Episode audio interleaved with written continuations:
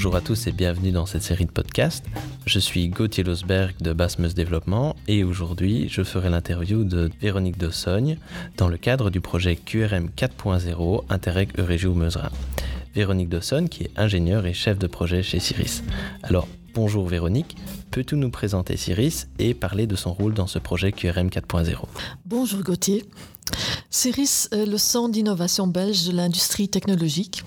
Nous aidons les acteurs de l'industrie belge, qu'ils soient grands ou petits, à faire les bons choix technologiques en vue d'une compétitivité économique durable. Nous sommes 140 experts dans différents domaines et moi-même, je contribue au programme Smart et Digital Factory. Je crois vraiment en l'approche Quick Response Manufacturing pour rendre les entreprises agiles. J'organise des formations approfondies sur le sujet pour en expliquer les grands principes et propose aux entreprises de les accompagner dans leur transformation. CIRIS est à l'initiative du projet européen Interreg QRM 4.0 et en est le lead partenaire. L'objectif principal du projet est la large sensibilisation des entreprises manufacturières de l'Eurégio Mons-Rhin à deux concepts.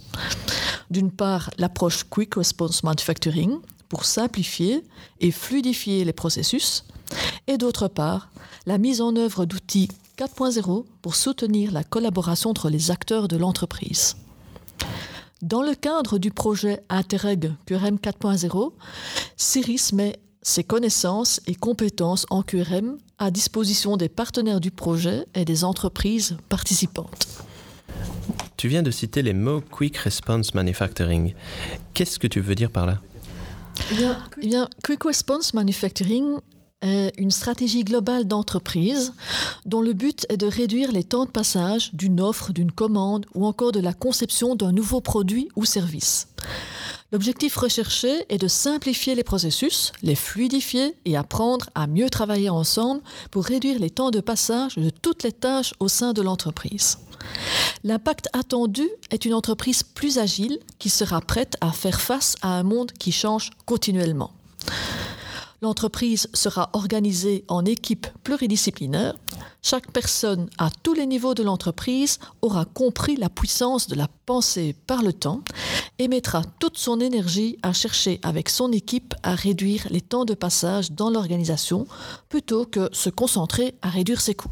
Chercher continuellement à réduire le temps de passage est le chemin que le QRM propose pour créer un avantage concurrentiel de compétitivité et de croissance durable. Quelles sont les entreprises qui devraient être concernées par cette approche QRM Eh bien, Gauthier, ce sont essentiellement les entreprises qui proposent des produits fortement personnalisés en très petite série à des marchés sensibles aux délais fiables. Ce sont ces entreprises qui rencontrent le plus de difficultés pour réussir à mettre leurs produits à disposition dans des délais fiables et suffisamment courts pour leurs clients. Si je suis une entreprise, qu'est-ce qui devrait me faire penser que cette approche est pour moi? Il y a plusieurs éléments qui pourraient t'inciter à tirer la sonnette d'alarme. Par exemple, si tu observes que tous dans l'entreprise, vous êtes toujours très occupés et pourtant les commandes ne sortent pas. Qu'elles finissent par sortir, mais au prix de beaucoup d'efforts, réunions, conflits, stress. Que tu disposes de stocks de produits finis qui ne tournent pas, ou encore que l'encours encombre l'atelier et que l'on perd beaucoup de temps à chercher. Si tu constates que l'organisation de ton entreprise est rigide, très à cheval sur des procédures longues et complexes, très hiérarchiques, avec des équipes qui ne sont pas engagées et qui manquent d'autonomie, et où le niveau de polyvalence des individus est faible, bref, tout le contraire d'une organisation agile. Autrement dit, si ton organisation est toujours celle d'il y a dix ans, alors que le monde autour d'elle a changé, alors il est grand temps de se poser la question.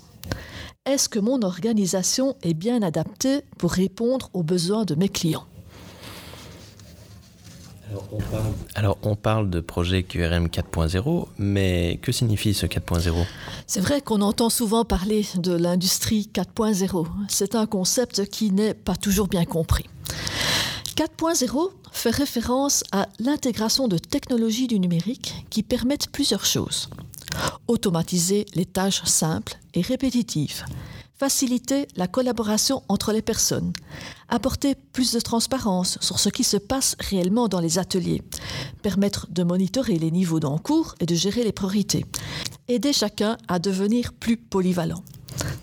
En bref, libérer du temps des acteurs de l'entreprise, temps précieux qu'ils peuvent alors consacrer à se former et à simplifier, fluidifier, améliorer en continu les processus. Alors si ce projet m'intéresse, est-ce qu'en tant qu'entreprise, je peux encore participer au projet QRM 4.0 Bien sûr, Gauthier. Aujourd'hui, nous sommes loin des 820 entreprises de l'Eurégio que nous souhaitons atteindre. Nous espérons toucher plus d'entreprises avec ce podcast et les informer des activités du projet. Nous organisons des visites de démonstrateurs et d'entreprises, leaders de l'innovation, des workshops, des bootcamps et des réseaux d'apprentissage. À cela s'ajoute un accompagnement individuel de 15 entreprises.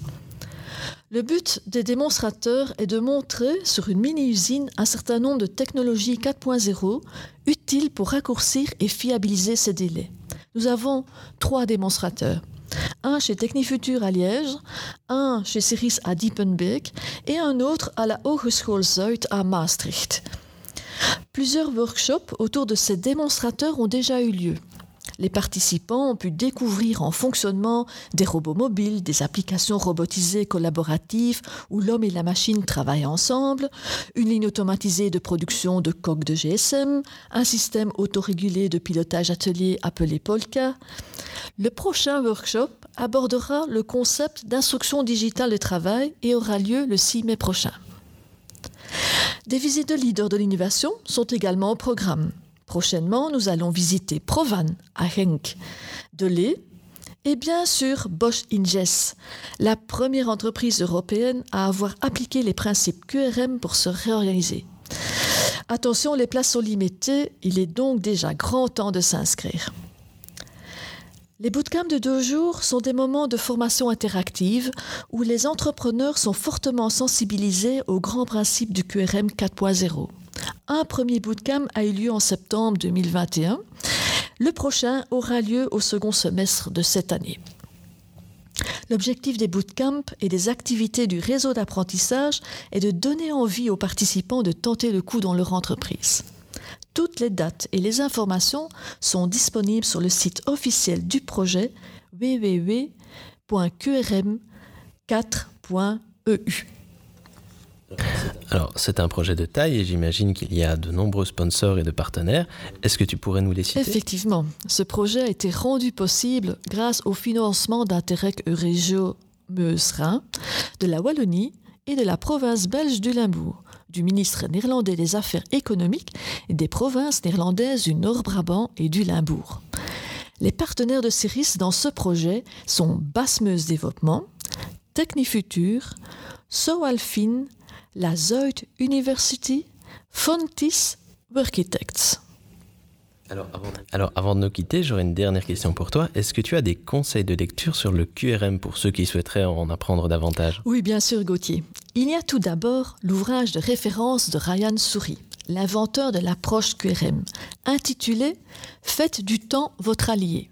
Il est disponible chez Ceris. Il y a aussi un guide de référence qui explique comment mettre en œuvre l'outil QRM de cartographie des temps de passage. Le titre du livre est MCT Guide pratique de référence par Ryan Souris. J'ai contribué à la traduction française de ce guide. Ce livre est disponible sur Amazon. Merci Véronique. Pour cette interview très intéressante et enrichissante et ces quelques précieux conseils de lecture. Cela m'amène à la fin de mon entretien avec Véronique Dawson qui représente aujourd'hui Ciris en tant que responsable de projet européen QRM 4.0. Si vous voulez en savoir plus, n'hésitez pas à aller visiter le site www.qrm4.eu et surtout n'oubliez pas de vous abonner à cette série de podcasts pour en apprendre plus sur le projet QRM 4.0. Bonne journée à tous. Merci Gauthier. À bientôt. Merci Véronique. À bientôt.